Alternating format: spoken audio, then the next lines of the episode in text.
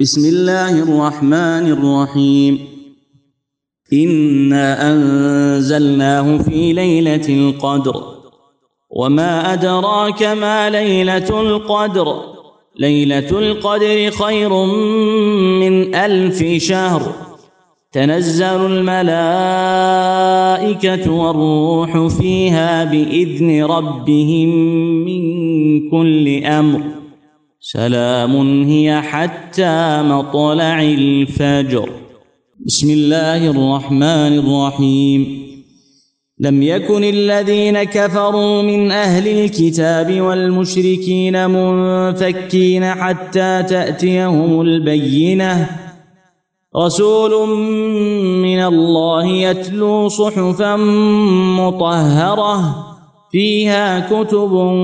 قيمه وما تفرق الذين اوتوا الكتاب الا من بعد ما جاءتهم البينه وما امروا الا ليعبدوا الله مخلصين له الدين حنفاء ويقيموا الصلاه ويؤتوا الزكاه وذلك دين القيمه إن الذين كفروا من أهل الكتاب والمشركين في نار جهنم خالدين فيها أولئك هم شر البرية إن الذين آمنوا وعملوا الصالحات أولئك هم خير البريه جزاؤهم عند ربهم جنات عدن تجري من تحتها الأنهار خالدين فيها خالدين فيها أبدا رضي الله عنهم ورضوا عنه ذلك لمن خشي ربه الحمد لله رب العالمين والصلاة والسلام على أشرف الأنبياء والمرسلين نبينا محمد وعلى آله وأصحابه أجمعين أما بعد فمعنا في هذا المجلس سورة القدر وسورة البينة سورة القدر فيها خلاف في مدنيتها ومكيتها وقد ذكر الواحدي أنها أول سورة نزلت بالمدينة وقال علي بن الحسين ومقاتل إن أول سورة نزلت بالمدينة سورة المطففين وهذه السورة مكونة من خمس آيات قال تعالى بسم الله الرحمن الرحيم إنا أنزلناه في ليلة القدر التعبير بضمير الجمع يفيد التعظيم فإن الله عز وجل يعظم نفسه بذلك إنا أنزلناه وهذا من المتشابه الذي يرد إلى المحكم لأن الذي يصطاد في الماء العكر كالنصارى يقولون نستدل على عقيدتهم الباطلة من التثليث بالآيات التي فيها ضمير الجمع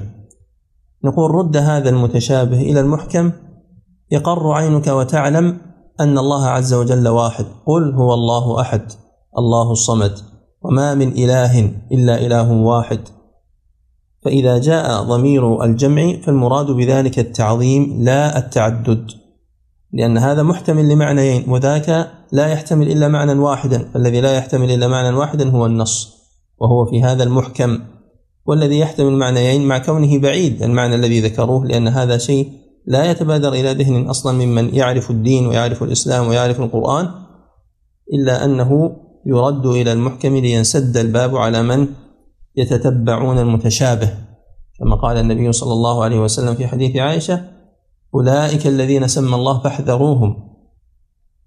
فاخبر سبحانه وتعالى انه انزل وهذا فيه بعد ما فيه يعني بعد ما فيه من تعظيم الله عز وجل باستعمال ضمير الجمع فيه ايضا اثبات صفه العلو لله عز وجل وهذا صريح من قوله انزلناه في ليله القدر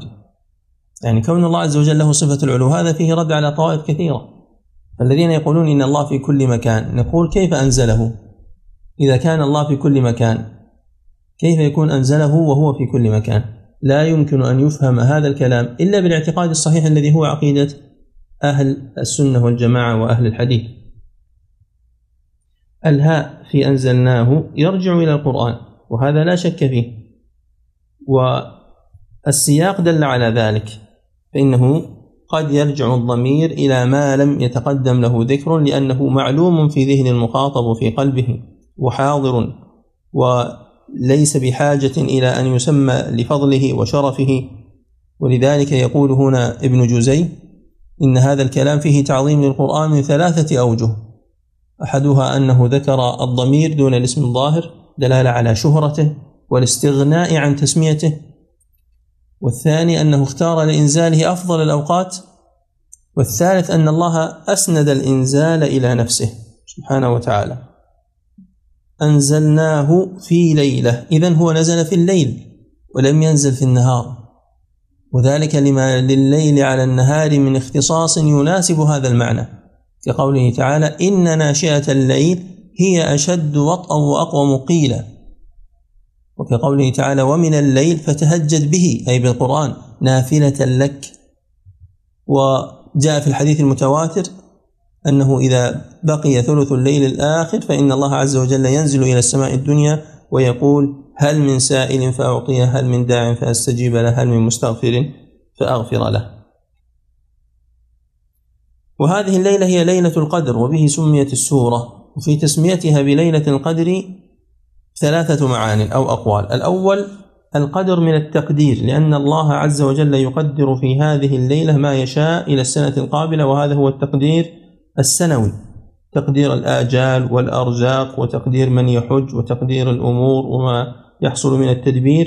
في ليلة القدر وهذا المعنى قد جاء عن جمع من السلف ويؤيده قوله تعالى بسم الله الرحمن الرحيم حاميم والكتاب المبين إنا أنزلناه في ليلة مباركة إنا كنا منذرين فيها يفرق كل أمر حكيم المعنى الثاني أنها ليلة المنزلة والفضل والرفعة هذا معنى القدر وأغلب الأقوال التي ساقها القرطبي هي تدور في فلك هذا القول ويمكنكم النظر فيها والثالث أن المراد بالقدر هنا التضييق لأن الأرض تضيق بكثرة الملائكة أو لكونها قليلة من غروب الشمس إلى مطلع الفجر فمع قلتها يحصل فيها هذا الأجر العظيم وهذا فيه دلالة على عظم فضل الله عز وجل قال تعالى ومن قدر عليه رزقه فلينفق مما آتاه الله وقال تعالى وأما الإنسان إذا ما ابتلاه ربه فقدر عليه رزقه فيقول ربي أهانا أي ضيق وأنت ترى أن المعاني الثلاث موجودة في هذه الليلة وإن كان بعضها أشهر من بعض وقد جاء عن مجاهد فيما رواه عبد الرزاق وابن أبي شيبة والطبري وقد صح عنه أنه قال ليلة القدر ليلة الحكم فهذا يؤيد القول الأول فيها يفرق كل أمر حكيم بقيت مسألة كيف التوفيق بين كون القرآن نزل في ليلة القدر وبين كونه نزل مفرقا منجما خلال 23 سنة نحن نعلم أن القرآن نزل حسب أسباب النزول وأنه لا زال ينزل حتى توفي النبي صلى الله عليه وسلم وهذه الآيات صريحة وبينة في كونه نزل في ليلة القدر فكيف الجمع بينهما نعم استمع منكم نعم هذا السؤال ما ورد على بالكم من قبل قد أجبنا عنه في دروس سابقة نعم عندنا ثلاثة أجوبة الجواب الأول أن المراد بأنزلناه في ليلة القدر أي ابتدأنا إنزاله في ليلة القدر ابتدأ نزول القرآن في ليلة القدر فهذا وجه تشريفه وتعظيمه أن هذا الكلام الذي هو خير كلام قرع ونزل إلى الأرض ووصل إلى البشر في هذه الليلة فلذلك هي تستحق التعظيم والتفضيل ويحصل فيها من الأجر والثواب ما هو معلوم وهذا قد ذهب له جمع كبير على رأسهم أو من أقدمهم الشعبي ثانيا أن المراد أنزلناه جملة واحدة من اللوح المحفوظ إلى السماء الدنيا في ليلة القدر ثم نزل بعد ذلك نزولا آخر منجما بحسب الحوادث وهذا قد رواه الحاكم عن ابن عباس وقال به أيضا جمع كبير من العلماء الوجه الثالث أن المراد بالإنزال فيه أي أنزلناه في فضل ليلة القدر بتقدير مضاف محذوف أنزلنا القرآن في فضل ليلة القدر ما هو القرآن الذي نزل في فضل ليلة القدر؟ قوله تعالى شهر رمضان الذي أنزل فيه القرآن هدى للناس وبينات من الهدى والفرقان وحاميم والكتاب المبين إن أنزلناه في ليلة مباركة فهذا فيه بيان فضلها والقولان الأولان أقوى من القول الأخير الذي ذكره الرازي وغيره قال تعالى وما أدراك ما ليلة القدر هذا الأسلوب كما علمنا من قبل أسلوب تفخيم وتعظيم ما أدراك ما ليلة القدر ثم بين ذلك فقال ليلة القدر خير من ألف شهر أي أن العمل في ليلة القدر خير وليس مساويا وإنما خير وأفضل وأعظم وأكثر أجرا وثوابا من العمل في ألف شهر ليس فيها ليلة القدر ولذلك ذهب عامة المفسرين إلى أن المقصود أن العمل فيها خير من العمل في ألف شهر هذا هو القول الأول أن ألف شهر هنا عدد مقصود وأنه ثلاث وثمانين سنة وأربعة أشهر فيكون عملك في هذه الليلة أفضل وأكثر من عملك في هذه المدة المحددة القول الثاني أن ألف شهر المراد به جميع الدهر وليس المراد به الحصر فإن العرب تأتي بمثل هذه الألفاظ بإرادة الغاية والكثرة كما قال تعالى يود أحدهم لو يعمر ألف سنة يعني لو يعيش ولا يموت على أحد الأقوال فكذلك هنا وأنه ليس المراد حقيقة العدد وإعمال مفهومه وأنت ترى أن الله عز وجل قد خلق الأمم من قبلنا بأعمار طويلة كما قال سبحانه ولقد أرسلنا نوحا إلى قومه فلبث فيهم ألف سنة إلا خمسين عاما إذا كان هذا عمر الدعوة فقط ألف سنة إلا خمسين عاما وظل الأمم كذلك في طيلة العمر حتى جئنا في آخر الزمان بأعمار قصار كما قال عليه الصلاة والسلام أعمار أمتي ما بين الستين إلى السبعين رواه الترمذي وهو حديث حسن فمع كون هذه الأمة فاضلة اختصها الله عز وجل بخير نبي وخير كتاب وجعلها في آخر الزمان كما جاء في الحديث الحسن حديث بهز بن حكيم عن أبيه عن جده أن النبي صلى الله عليه وسلم قال أنتم توفون سبعين أمة أنتم خيرها وأكرمها على الله عز وجل وهو حديث رواه الترمذي وغيره فحينئذ جعل الله عز وجل لهذه الأمة مواسم تعوض فيها قصر العمر مقابل ما عندها من قصر عمر بحسب التقدير الإلهي أعطاهم الله عز وجل مواسم من الخيرات من استغلها كان له من الثواب ومن العمل الصالح ومن المضاعفة ما يقارب أو يداني أعمار بعض المتقدمين فإننا لا نعلم أن المتقدمين فضلوا بليلة القدر وإنما هذا شيء خاص بهذه الأمة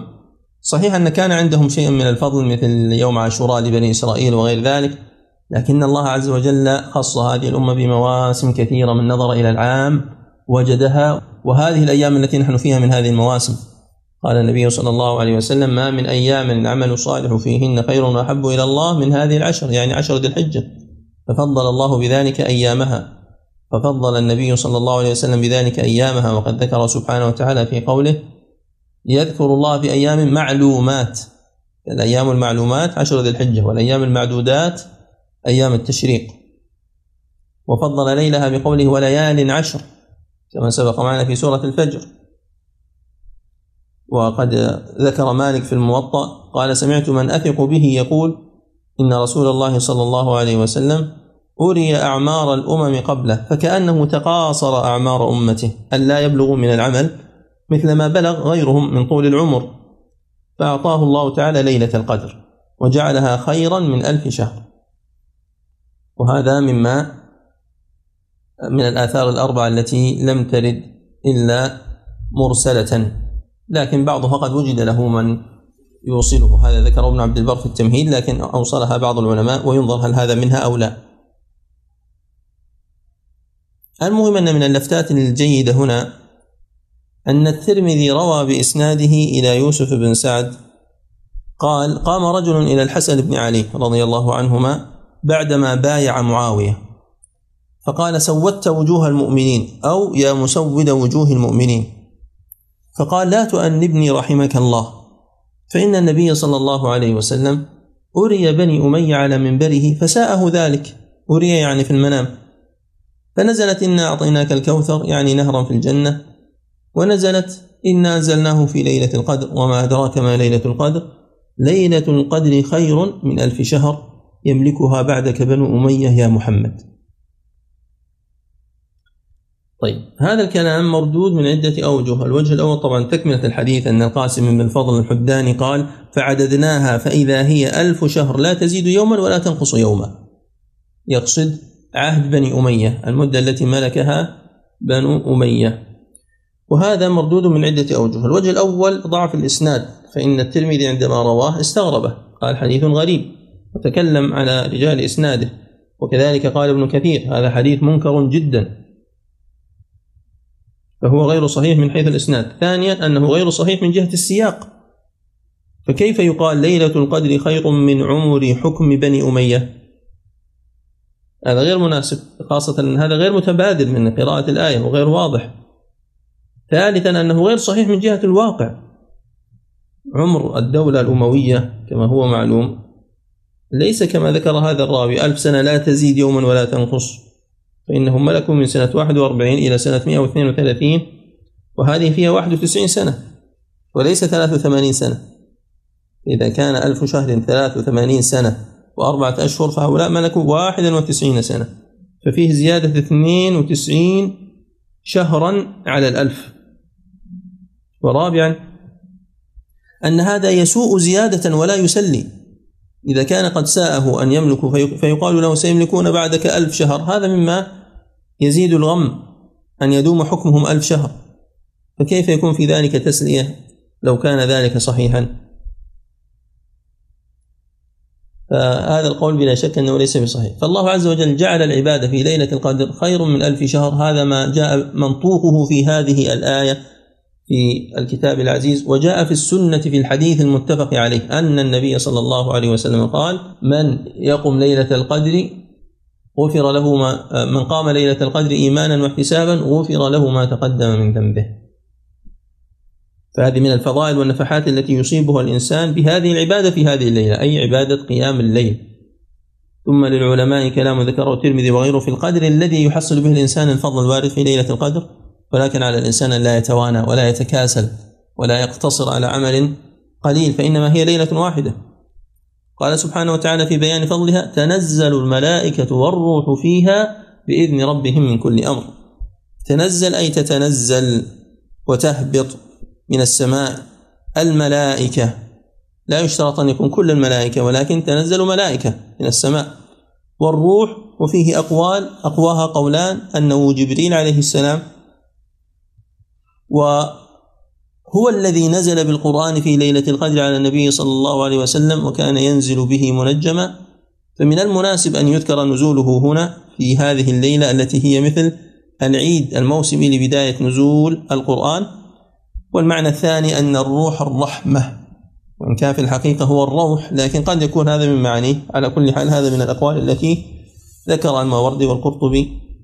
فالروح كما قال تعالى ينزل الملائكة بالروح من أمره على من يشاء من عباده تنزل الملائكة والروح فيها بإذن ربهم أي بأمره سبحانه وتعالى من كل أمر أي بكل أمر قد قدره سبحانه وتعالى وكتبه فمن هنا بمعنى الباء كقوله تعالى يحفظونه من أمر الله أي يحفظونه بأمر الله ثم جار المجرور المتعلق بماذا؟ إما بالإنزال فهم ينزلون بهذه الأوامر وإما بالإذن بإذن الله عز وجل لهم بالنزول إذنا متعلقا بكل أمر قدره في تلك الليلة والله أعلم وآخر آية سلام هي حتى مطلع الفجر هذا فيه استئناف كلام يعني هي سلام حتى مطلع الفجر وقتها وأمدها إلى مطلع الفجر أي يستمر هذا الفضل إلى طلوع الفجر وبعض الناس قد يقرأ هنا قراءة فيها نوع إغراب فيقول بإذن ربهم بإذن ربهم من كل أمر سلام هي حتى مطلع الفجر يعني يجعل هي مبتدأ وجملة حتى مطلع الفجر خبرا ويجعل سلام نعتا لأمر بهذه القراءة ولا شك أن هذا الوقف يقلب المعنى لأن سلام مرفوعة وليست مجرورة والمراد أن ليلة القدر سلام وليس الأمر ولذلك كان لابن الجزري في كتاب النشر تنبيها مهما على هذا عندما قال ليس كل ما يتعسفه بعض المعربين أو يتكلفه بعض القراء أو يتأوله بعض أهل الأهواء مما يقتضي وقفا وابتداء يعني وقفا وابتداء فنبه على ذلك أنه ينبغي تحري المعنى الأتم والوقف الأوجه وذكر على ذلك عدة أمثلة يتضح بها المقام يعني مثلا فلا جناح عليه أن يطوف بهما كل الإنسان يفهمون المراد والمتبادر إلى الذهن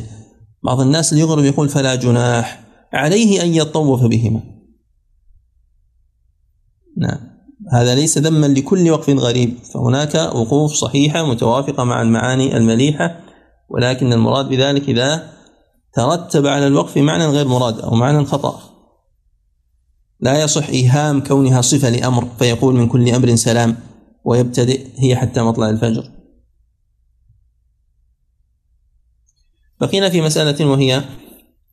آه، كثر كلام أهل العلم في تعيين ليلة القدر حتى ذكر فيها ابن حجر أقوالا كثيرة تذكرون عدد الأقوال اللي ذكرها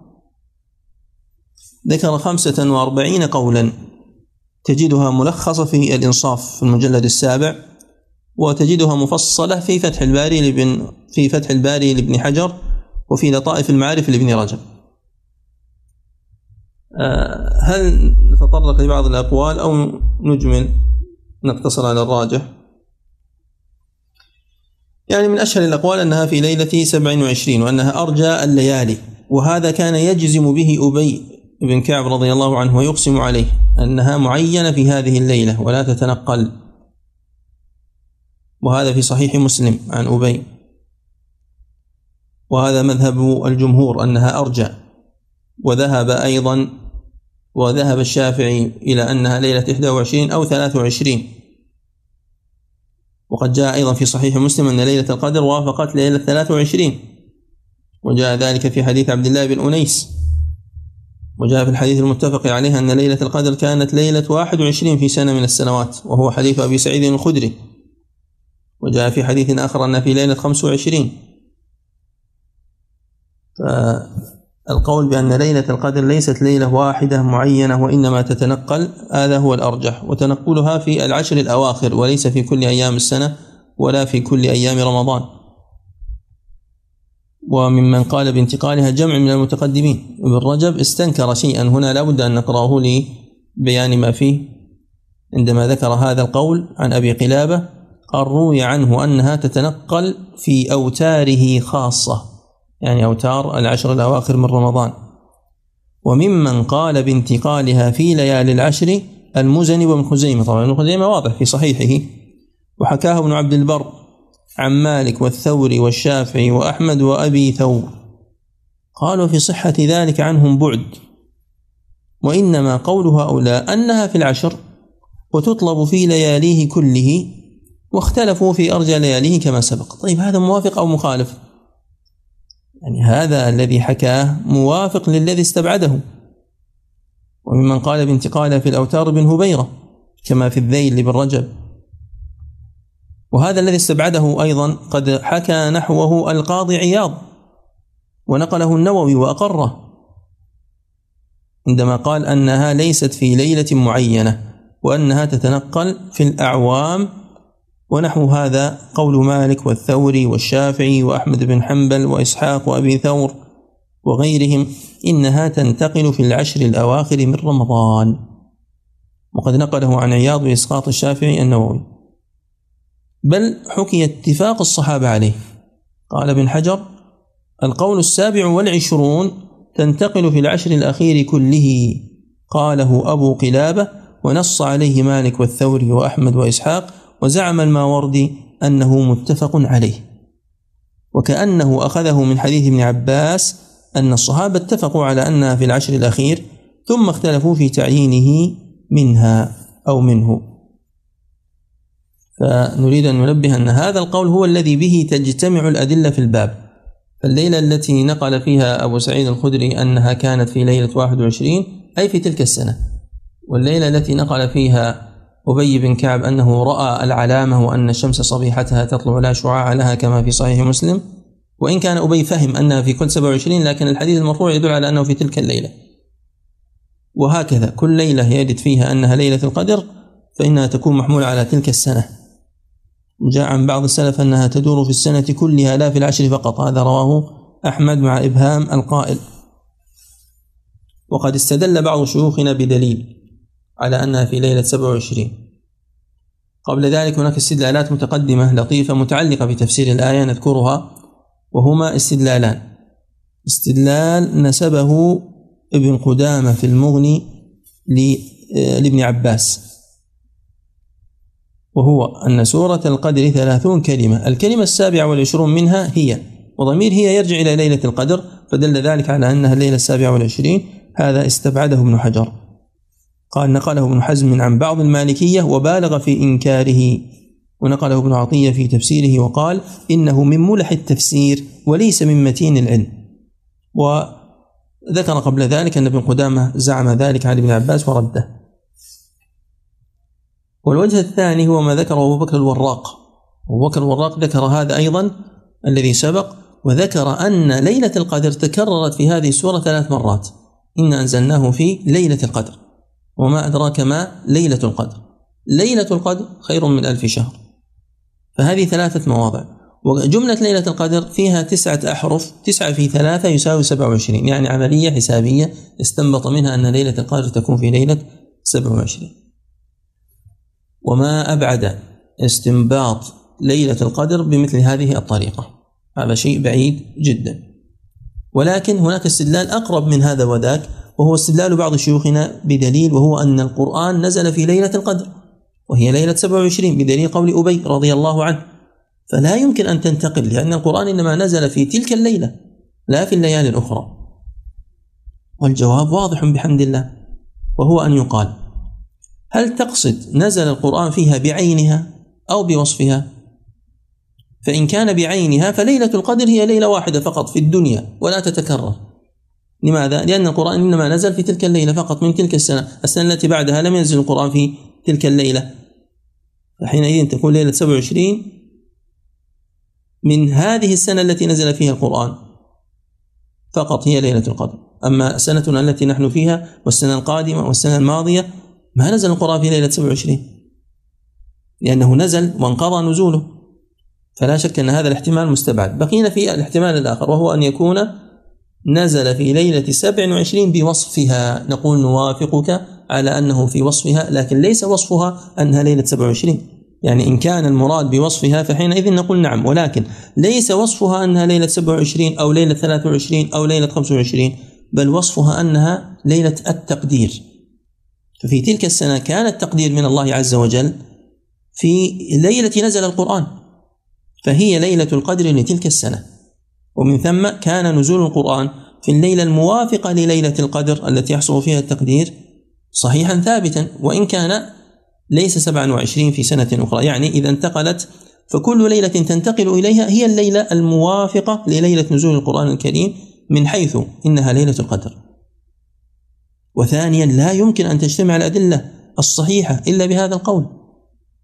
أدلة صحيحة صريحة في أنها كانت ليلة القدر بحديث متفق عليه في ليلة 21 ماذا نفعل بهذا الحديث؟ أن النبي صلى الله عليه وسلم قال إني رأيت أنني أسجد صبيحتها في ماء وطين فيقول رضي الله عنه أبو سعيد فوقف المسجد فنزل المطر وقف المسجد وسجد النبي صلى الله عليه وسلم في صبيحة ليلة 21 فلما صرف إلينا رأيت أثر الماء والطين على جبهته وأرنبته يعني أرنبة أنفه ما قال انها نزلت في ليله 21 هذا ايراد قوي وواضح لا يمكن ان تجتمع الادله الا بهذا القول المرجح ثم انه قد جاء عن عائشه ان النبي صلى الله عليه وسلم علمها ان تقول اللهم انك عفو تحب العفو فاعف عني نقول هذا لا مانع ان يقال ولكنه من حيث الاسناد ليس بصحيح الصواب وقفه على عائشه رواه احمد والترمذي مرفوعا والمرفوع منقطع بين ابن بريده وعائشه وقد صح وثبت عند ابن أبي شيبة من حديث عائشة منقوفا فلا مانع من قوله وأيضا قراءة سورة القدر بعد الوضوء أو قراءة سورة القدر في صلاة العشاء في أوتار العشر الأخيرة من رمضان هذه كلها بدع كما صرح بها صاحب كتاب تصحيح الدعاء وهنا فائدة نختم بها ما يتعلق بهذه السورة إذا يسر الله تبارك وتعالى لك إدراك العشر الأواخر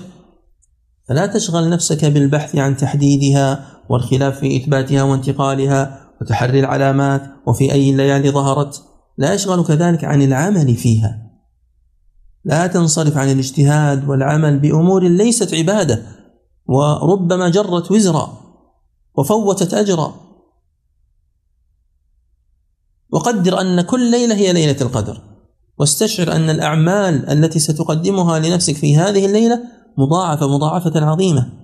فهل تحب أن يضاعف لك عمل ضعيف؟ أحسن الوضوء وأسبغه لأنه سيكون بوضوء 83 سنة أكثر من الذكر واستحضره بقلبك لأنه سيضاعف بقدر 83 سنة تصدق وأكثر لأنه سيكون بصدقة 83 سنة وهكذا هل تحب أن يضاعف لك صلاة أجرها قليل؟ لم يكتب لك إلا ربعها أو خمسها أو سدسها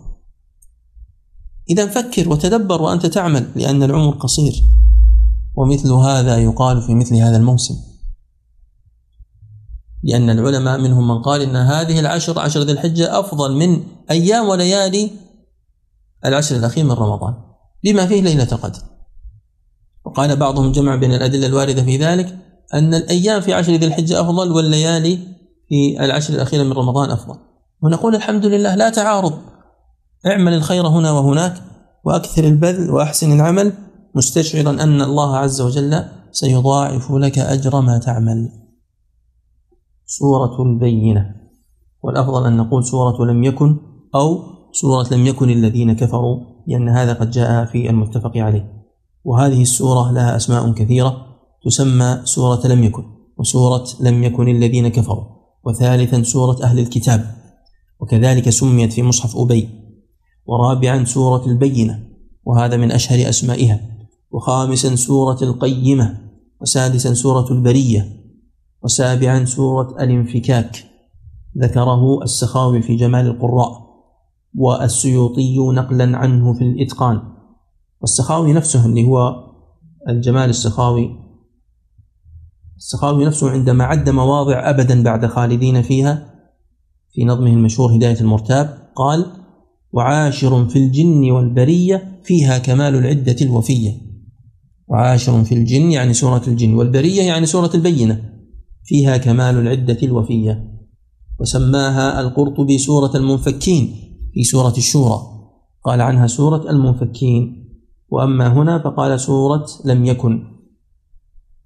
وقد اختلف في مكيتها ومدنيتها وكلا القولين نسب للجمهور وعدد آياتها تسع آيات وورد فيها حديث لا يصح كما قال القرطبي وهو لو يعلم الناس ما في لم يكن لعطلوا الأهل والمال فتعلموها قال الخطيب البغدادي حديث باطل لا أصل له وفيه قصة يمكن أن تراجع ولكن الذي صح هو ما جاء في البخاري ومسلم من حديث أنس رضي الله عنه عن أنس قال قال رسول الله صلى الله عليه وسلم لأبي بن كعب إن الله أمرني أن أقرأ عليك لم يكن الذين كفروا قال وسماني لك قال نعم قال فبكى وحق له أن يبكي رضي الله عنه وقد ذكر في الملأ الأعلى بمثل هذا الذكر الحسن وهذا فيه تفضيل أبي رضي الله عنه وفيه أيضا تنويه وتنبيه على عظم هذه السورة وما فيها من الفضل وقال القرطبي وفيه من الفقه قراءة العالم على المتعلم قال بعضهم إنما قرأ النبي صلى الله عليه وسلم على أبي ليعلم الناس التواضع لئلا يأنف أحد من التعلم والقراءة على من دونه في المنزلة وقيل لأن أبيا كان أسرع أخذا لألفاظ رسول الله صلى الله عليه وسلم فأراد بقراءته عليه أن يأخذ ألفاظه ويقرأ كما سمع منه ويعلم غيره وفيه فضيلة عظيمة لأبي إذ أمر الله عز وجل رسوله أن يقرأ عليه لعل بعضهم الذي أشار إليه في القول الذي سبق أنه ليعلم الناس التواضع هو أبو حامد الغزالي كما بين ذلك ابن تيمية لكنه استدركه من وجه آخر يعني الوجه الذي ذكر هنا وجه صحيح لكن قال ابن تيمية قوله أن أقرأ عليك أي قراءة تبليغ وإسماع وتلقين ليس هي قراءة تلقين وتصحيح كما يقرأ المتعلم على المعلم فإن هذا قد ظنه بعضهم وجعلوا هذا من باب التواضع يعني إنما يكون من باب التواضع بناء على هذا أنه قرأ عليه قراءة المتعلم لكن على الوجه الذي ذكره القرطبي الكلام صحيح وأيضا ما ذكره ابن تيمية صحيح أن النبي صلى الله عليه وسلم ما قرأ على أبي ليصحح له تلاوته قال ابن تيمية وجعل أبو حامد هذا مما يستدل به على تواضع المعلم وليس هذا بشيء فإن هذه القراءة كان يقرأها على جبريل يعرض عليه القرآن كل عام فإنه هو الذي نزل عليه القرآن وأما الناس فمنه تعلموا فكيف يصحح قراءته على أحد منهم أو يقرأ كما يقرأ المتعلم ولكن قراءته على أبي كما يقرأ على الإنس والجن إلى آخر كلامه كما قال تعالى وقرآنا فرقناه لتقرأه على الناس على مكث وقال تعالى لقد من الله على المؤمنين إذ بعث فيهم رسولا من أنفسهم يتلو عليهم آياته بسم الله الرحمن الرحيم لم يكن الذين كفروا من أهل الكتاب والمشركين منفكين حتى تأتيهم البينة قبل أن نشرع في تفسير هذه الآية أريد أن أسألكم ماذا كنت تفهم عندما تقرأ هذه الآية؟ ما الذي كان يتبادر إلى قلبك منها؟ نسمع إجابة واحدة على الأقل نعم بمعنى عائشة الظاهر وهذا محل السؤال يعني ما هو المعنى الظاهر؟ بمعنى أن المشركين آه، كفار متنازعين حتى تأتي بينه حتى يجتمعوا على ذلك جيد طيب إذا لم يكن هذا نفي لم يكن الذين كفروا من من هذه بيانية الذين كفروا من طائفتين أو من نوعين أو على قسمين من أهل الكتاب اليهود والنصارى والمشركين وهم من عداهم من عباد الأصنام أو عباد النار أو غيرهم المجوس وفي هذا فائدة مهمة لكنني أريدكم أن تستنبطوها وسأذكر الآية الأخرى التي تنبهكم على هذه الفائدة يعني المعنى مشترك بين الآيتين قال تعالى ما كان للمشركين أن يعمروا مساجد الله شاهدين على أنفسهم بالكفر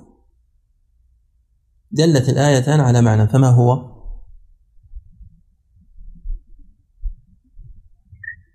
هل الشيخ صح يقول انهم يعني يعنون بباطلهم عدم صحته؟ لا ليس هذا تأمل الذين كفروا من أهل الكتاب والمشركين ما كان للمشركين أن يعمروا مساجد الله شاهدين على أنفسهم بالكفر ما هو الشيء الذي تكرر في الآيتين الكفر والشرك يعني في الآيتين دليل على ترادف الشرك والكفر فالذين كفروا من أهل الكتاب أهل شرك والمشركون أهل شرك وكفر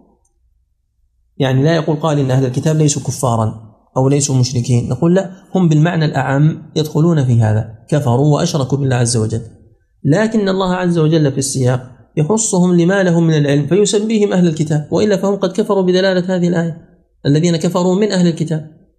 فهم كفروا بلا شك لقد كفر الذين قالوا إن الله ثالث ثلاثة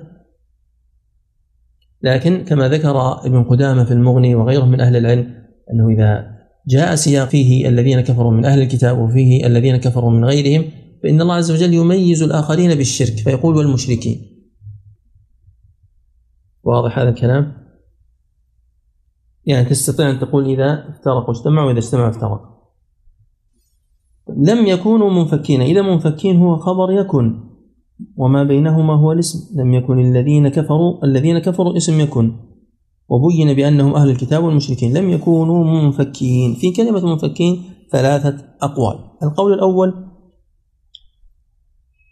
لم يكونوا منفكين يعني منتهين عن كفرهم زائلين عن الكفر لم يكونوا منفصلين عنه وأيضا لم يكونوا منفكين عن بعضهم متمايزين في الحكم بل كلهم كفار وكلهم في النار مع أن أهل الكتاب ذوو علم والمشركين جهال حتى تأتيهم البينة قال ابن عباس أهل الكتاب اليهود الذين كانوا بيثرب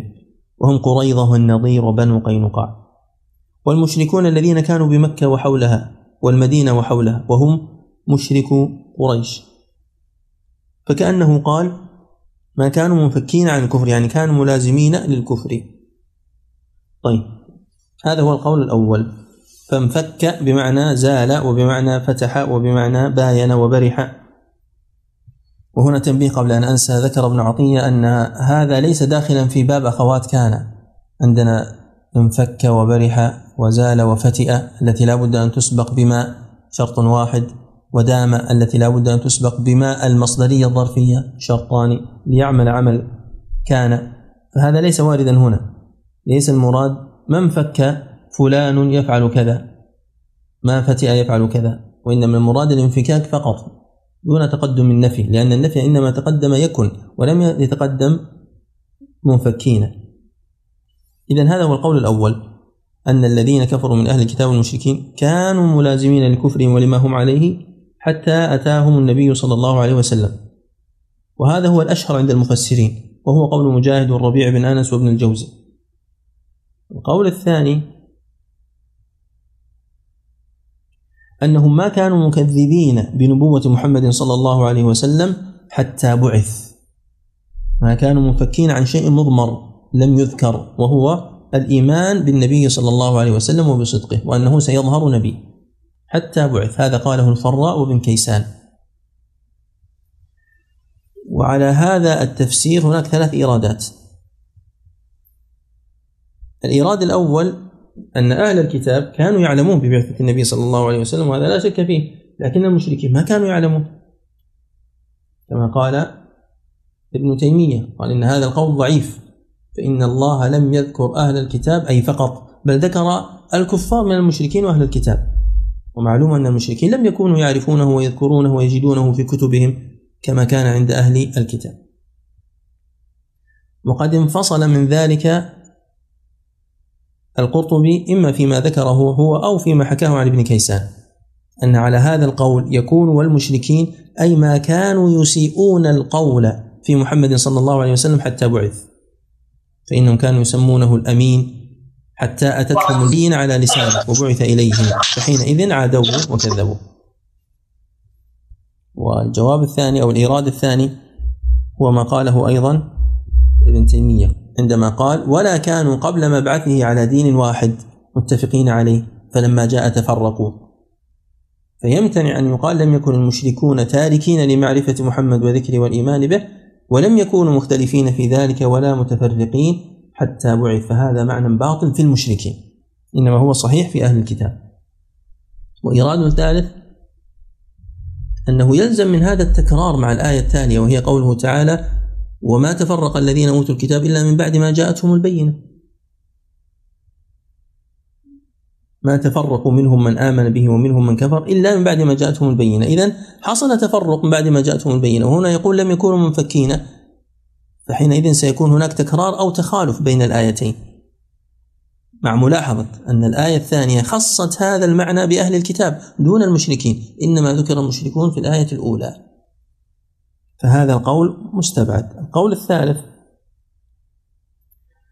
أنهم ما كانوا منفكين أي زائلين ومنتهين وهالكين حتى يأتيهم رسول قال القرطبي وقيل الانتهاء بلوغ الغاية أي لم يكونوا ليبلغوا نهاية أعمالهم فيموتوا حتى تأتيهم البينة فالانفكاك على هذا بمعنى الانتهاء هذا المعنى فيه نظر من حيث أنه لا شك أنه مات بعض المشركين في الجاهلية ومات بعض أهل الكتاب لكن المعنى الثاني وهو زائلين يعني لم تكن مدتهم لتزول حتى يأتيهم رسول كذا صح مدتهم وعهدهم وليس أشخاصهم وهو بمعنى قول من قال لم يكونوا متروكين حتى يرسل إليهم رسول يعني متروكين وشأنهم وهو قول ابني عطية وتيمية قال ابن عطية وفي معنى الآية قول ثالث بارع المعنى وذلك أن يكون المراد لم يكونوا هؤلاء منفكين من أمر الله وقدرته ونظره لهم حتى يبعث إليهم رسولا منذرا تقوم عليهم به الحجة وتتم على من آمن النعمة فكأنه قال ما كانوا ليتركوا سدى قال ابن تيمية وهو أصح الأقوال لفظا ومعنى وهذا يشبه قوله تعالى وما أدراك ما العقبة فك رقبة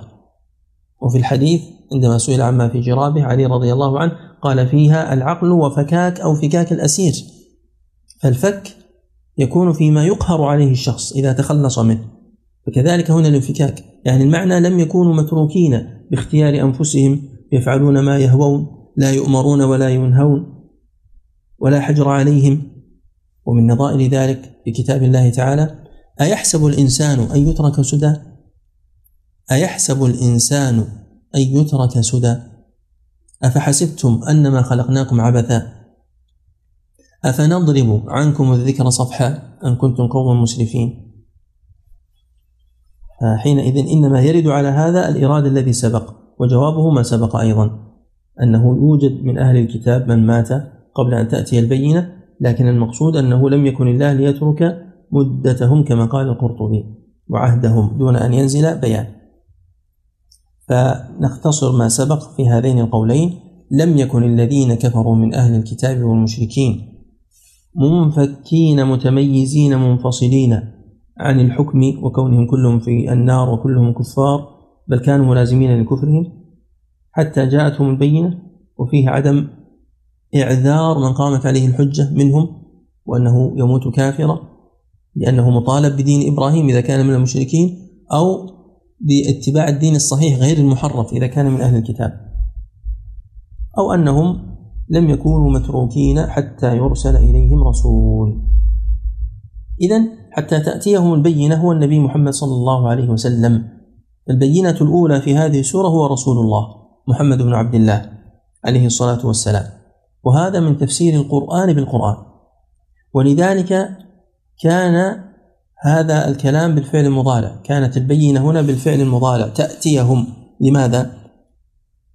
لأنها بينة لا زالت تطرق سمعهم وأبصارهم وقلوبهم وقت تنزل الآيات ولا زال النبي صلى الله عليه وسلم يدعوهم بين الفينة والأخرى لذلك قال حتى تأتيهم البينة لكن البينة الثانية قال من بعد ما جاءتهم البينة بالفعل الماضي وسنعرف بعد قليل ما الفرق بينهما وما معنى البينة الثانية كيف كان من تفسير القرآن بالقرآن؟ لأن الله عز وجل قال بعد ذلك رسول من الله يتلو صحفا مطهرة أي هذه البينة رسول من الله هو رسول من الله لأن البينة قد تذكر يقال بينتي فلان وفلان يعني هم شهودي كذلك البينة رسول من الله يعني من عنده سبحانه وتعالى فهو لا يأتي بالأقوال ولا بالسور على ما تشتهون لأنه يأتي بها من قبله وإنما يأتي بها بحسب الوحي إنما يتلو ما يوحى إليه لكن يتلو صحفا جمع صحيفة مطهرة أي فيها الطهارة الحسية والمعنوية هل نزل القرآن على النبي صلى الله عليه وسلم مكتوبا في الصحف وكان يقرأه عليهم كيف يقال يتلو صحفا مطهرة هل نحيل هذا السؤال للبحث أو عندكم إجابة حاضرة لا شك أن النبي صلى الله عليه وسلم كان يتلو القرآن عن ظهر قلب وكان أميا لو نزلت صحف لما استطاع أن يقرأ ما فيها ولكن المقصود هو أصل هذه الصحف فهو يتلو ما في هذه الصحف المطهرة وما كان مكتوبا فيها لأنها كانت مكتوبة في اللوح المحفوظ واستنسخها من شاء من ملائكة الله عز وجل ثم فيه سد لقول من يقول بأن كتابة الصحابة للقرآن كانت مصلحة مرسلة ما معنى مصلحة مرسلة؟ يعني لم ينص عليها في القرآن ولا في السنة ولم يذكر شيء ينبه عليها نقول مثل هذه الآيات رد عليكم فهي مصلحة معتبرة والله عز وجل قد أشار إليها في غير ما آية فكل ما ذكرت الكتابة والصحف ونحو ذلك فهو تنبيه للصحابة أن يكتبوه كما كانوا يكتبونه في عهد النبي صلى الله عليه وسلم بغير جمع ثم كتبوه مجموعا من أوله إلى آخره في العهد القريب عهد أبي بكر وعهد عثمان رضي الله عنهما وقد جاء ذلك أيضا في سورة عبسة في صحف مكرمة مرفوعة مطهرة بأيدي سفرة أي أصل هذا القرآن بأيدي الملائكة في السماء وهو مكتوب في صحف ثم إشكال بعد إشكال هل تأملتم فيها كتب قيمة؟ يعني هل الصحف فيها كتب قيمة؟ جمع كتاب؟ هل القرآن عبارة عن كتب؟ مثل ما تجد في صحيح البخاري كتاب بدء الوحي وكتاب الحج وكتاب المساقاه وكتاب التوحيد وغير ذلك من الكتب القرآن سور لو كانت فيها سور قيمة لكان مطابقا ولما كان مستشكا لكن ما هي هذه الكتب نعم لعل ما يا شيخ الكتب السابقة يعني الزبور التوراة يعني فيه ذكر الكتب القيمة نعم جيد محاولة لا بأس بها جيد يقول القرطبي قال بعض أهل العلم الصحف هي الكتب فكيف قال فيها صحف فيها كتب فالجواب أن الكتب هنا بمعنى الأحكام كما قال تعالى كتب الله لأغلبن أي حكم الله فكتب وكتب وكتب فهذه أشياء كتبها الله بمعنى حكم بها الله وقضى بها الله وألزم بها عباده كما قال النبي صلى الله عليه وسلم لأقضين بينكم بكتاب الله أي بحكم الله وقيل الكتب القيمة هي القرآن فجعله كتبا لما اشتمل عليه من أنواع البيان فكأنه مكتوبات قيمة يعني جمل وأحكام وقصص وأخبار وغير ذلك مما هو موصوف بكونه قيمة بمعنى محكمة وبمعنى صادقة أخبار صادقة وأوامر عادلة وما تفرق الذين أوتوا الكتاب إلا من بعد ما جاءتهم البينة وما تفرق واختلف اليهود والنصارى هم الذين أوتوا الكتاب إلا من بعد ما جاءتهم البينة الواضحة قيل إنهم والنبي صلى الله عليه وسلم وهذا قول الأكثر وقيل وهو القول الثاني الكتاب والمراد جنس الكتاب فيشمل ما أنزل من قبل وهو قول أبي العالية كما رواه ابن أبي حاتم ونقله ابن الجوزي بلفظ القرآن واستدركه ابن تيمية أن الذي جاء عن أبي العالية الكتاب وليس القرآن لأن المراد كتبهم التي نزلت عليهم والقول الثالث جاءتهم البينة أي ما في كتبهم من بيان نبوته صلى الله عليه وسلم وهذا قد ذكره الماوردي فابن تيمية استبعد أن يكون المراد النبي عليه الصلاة والسلام لماذا؟ لأن التفرق والاختلاف موجود عندهم قبل بعثة النبي عليه الصلاة والسلام وذكر في ذلك الآيات الكثيرة الواضحة فعندنا آيتين متشابهتين في سورة الجاثية فما اختلفوا إلا من بعد ما جاءهم العلم بغيا بينهم وفي الشورى وما تفرقوا إلا من بعد ما جاءهم العلم بغيا بينهم ولقد بوأنا بني إسرائيل مبوء صدق ورزقناهم من الطيبات فما اختلفوا حتى جاءهم العلم وما اختلف فيه إلا الذين أوتوه من بعد ما جاءتهم البينة بغيا بينهم في البقرة ولا تكونوا كالذين تفرقوا واختلفوا من بعد ما جاءهم البينات وأولئك لهم عذاب عظيم في آل عمران فكل هذه الآيات تدل على أن الخلاف موجود عندهم من قبل فليست هذه البينة النبي عليه الصلاة والسلام ولكن من بعد ما جاءتهم بينتهم هم وكتابهم الذي يخبر بالصدق وبالواقع فأخفوه وحرفوه وحسدوا النبي صلى الله عليه وسلم عندما بعث من غير ملتهم إذا جاءتهم تلاحظ أنه بالفعل الماضي لأنه جاءهم من قبل العهد النبوي وهنا سؤال ما الفرق بين هذه الآية والآيات السابقة؟ اتضح جزء من الجواب من خلال ما سبق فالآية الأولى أخبرت عن عدم انفكاك يعني اتفاق لكن اتفاق على شيء يختلف عما في هذه الآية وهو اتفاقهم على الكفر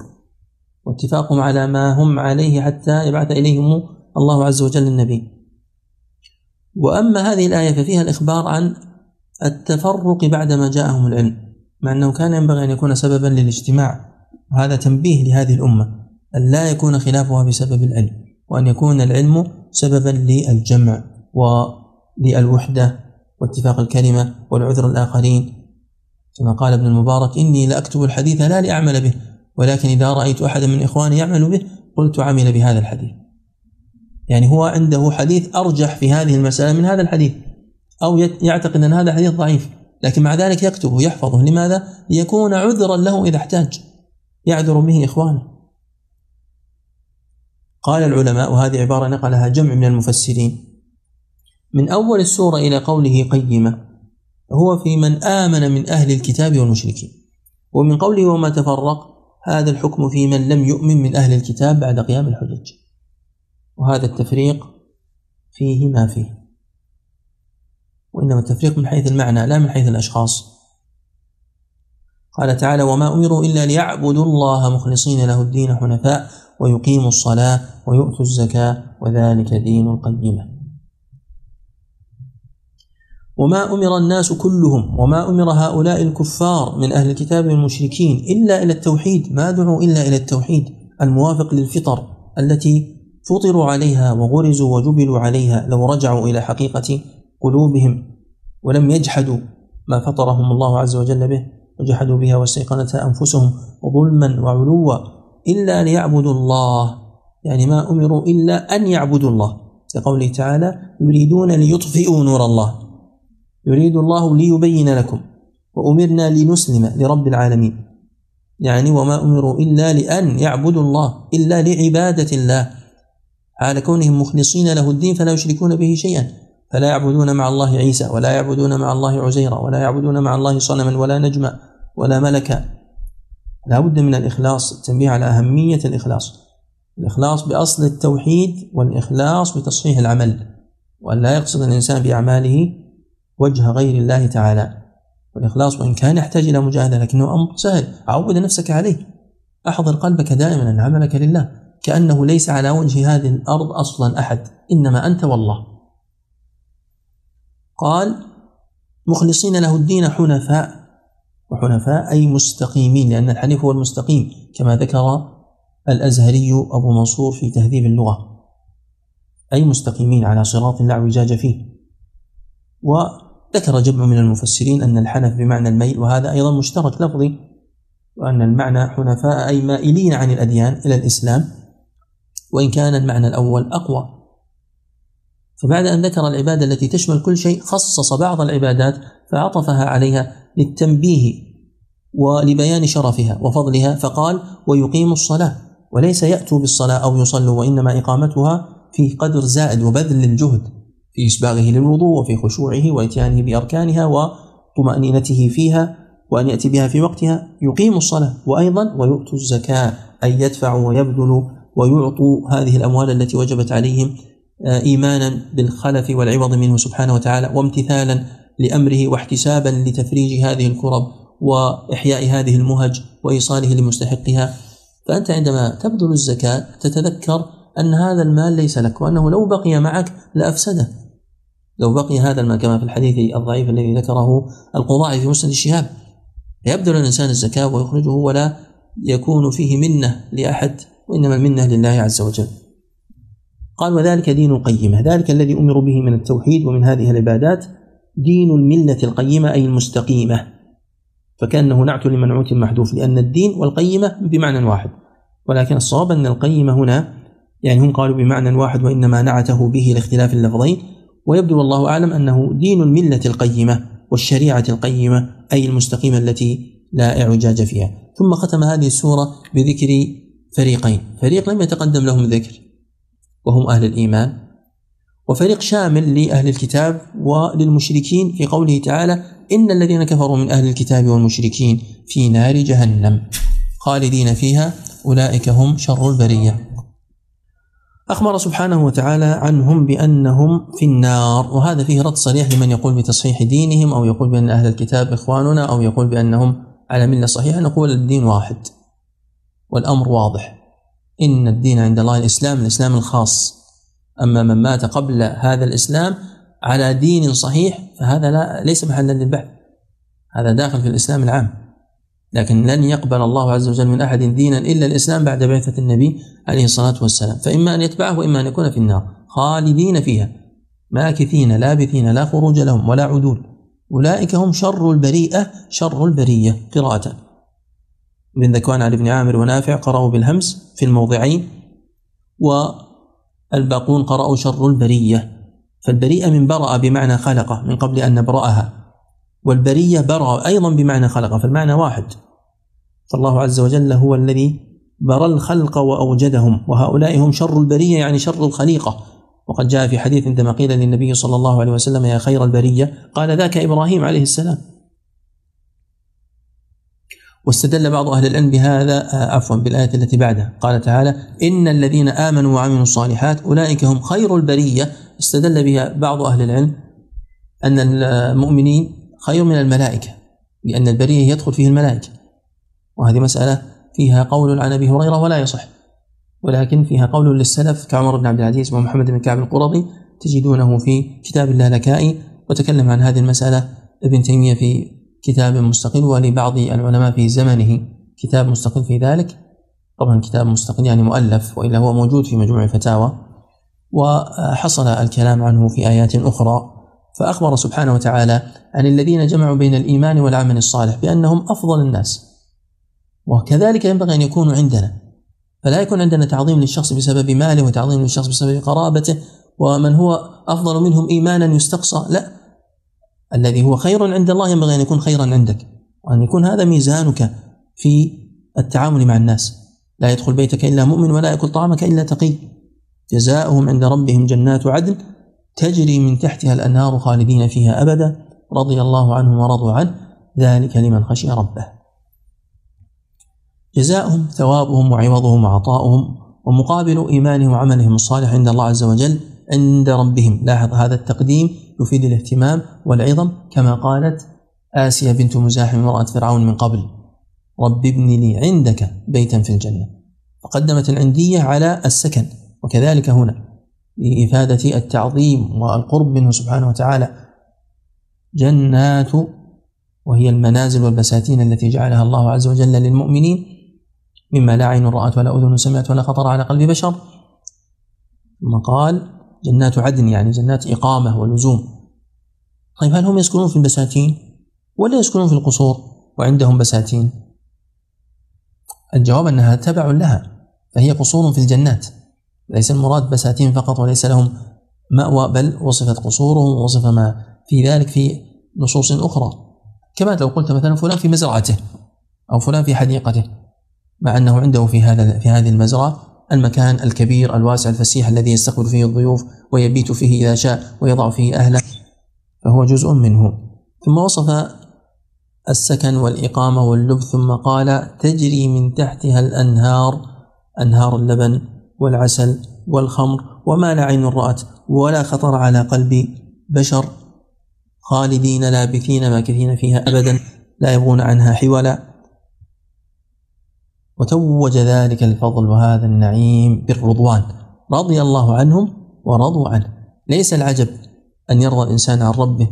صاحب النعمة أولا وآخرا وصاحب الفضل فهو الذي أوجدنا وهو الذي هدانا لما يحبه ويرضاه وهو الذي يكرمنا بالثواب كله منه سبحانه وتعالى ليس العجب أن يرضى الإنسان عن ربه وإنما رضي الله عنهم مع كونه هو المتفضل يرضى عنك سبحانه وتعالى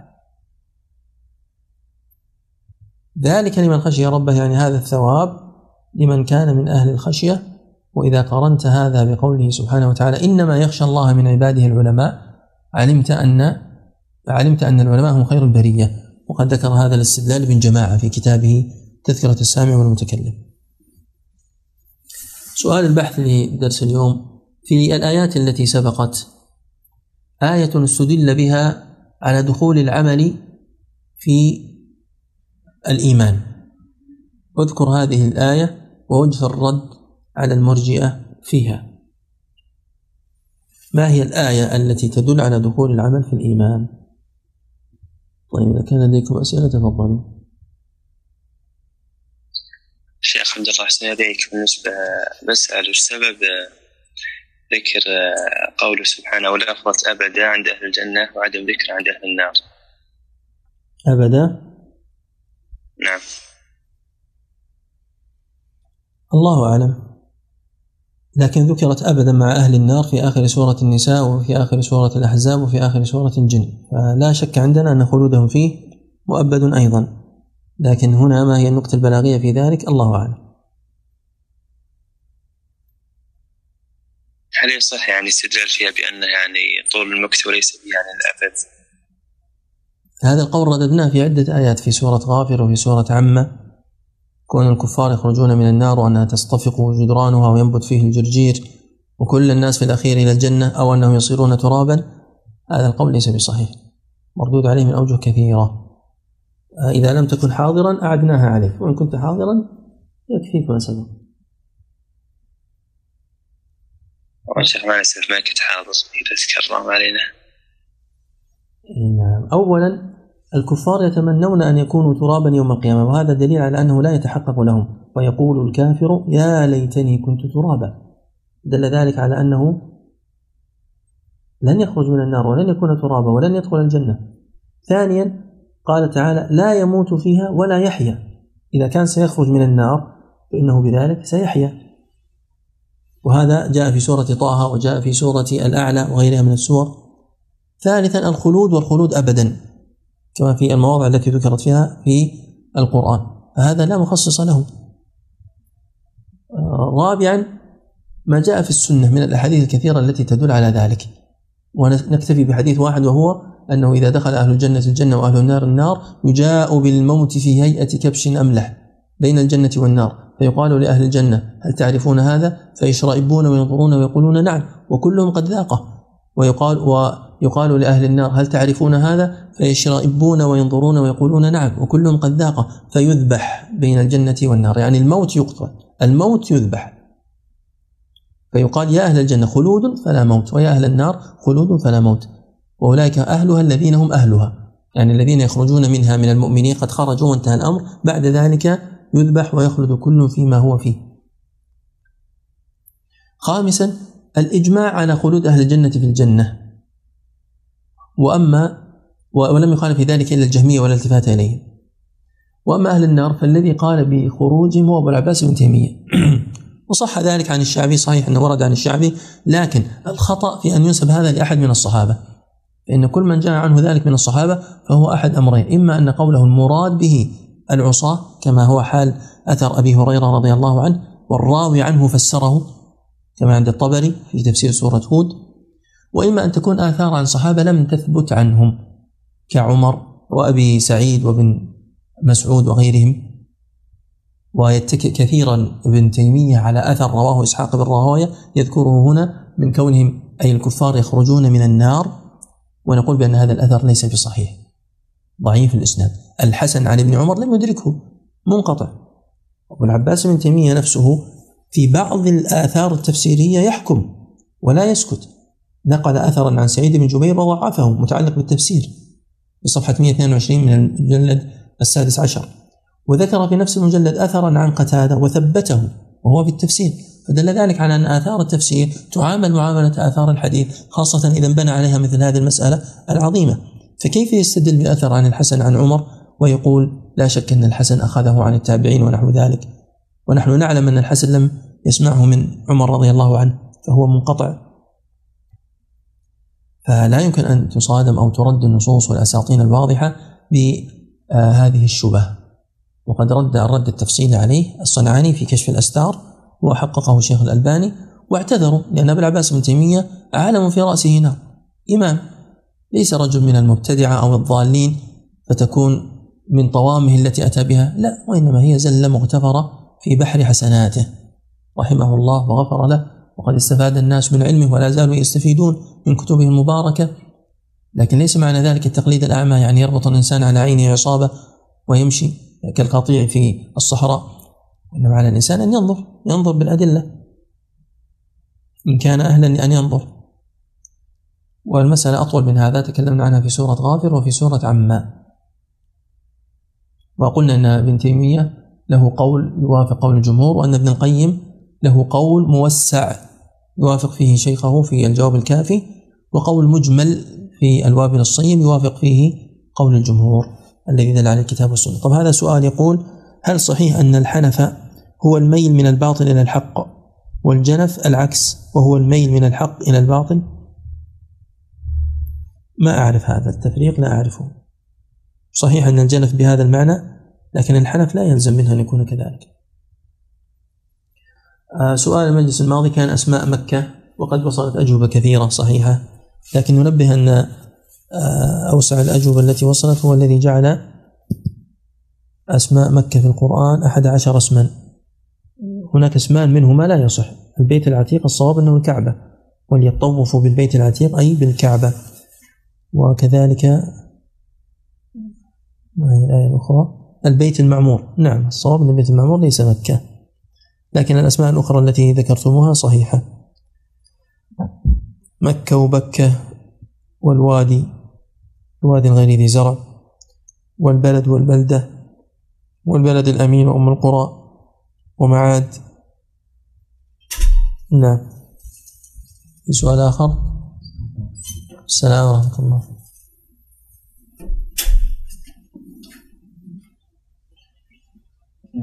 حياك الله بارك الله فيك نعم جزاكم الله خير شيخ وإياكم سلمكم الله صلى الله وسلم على نبينا محمد وعلى آله وصحبه أجمعين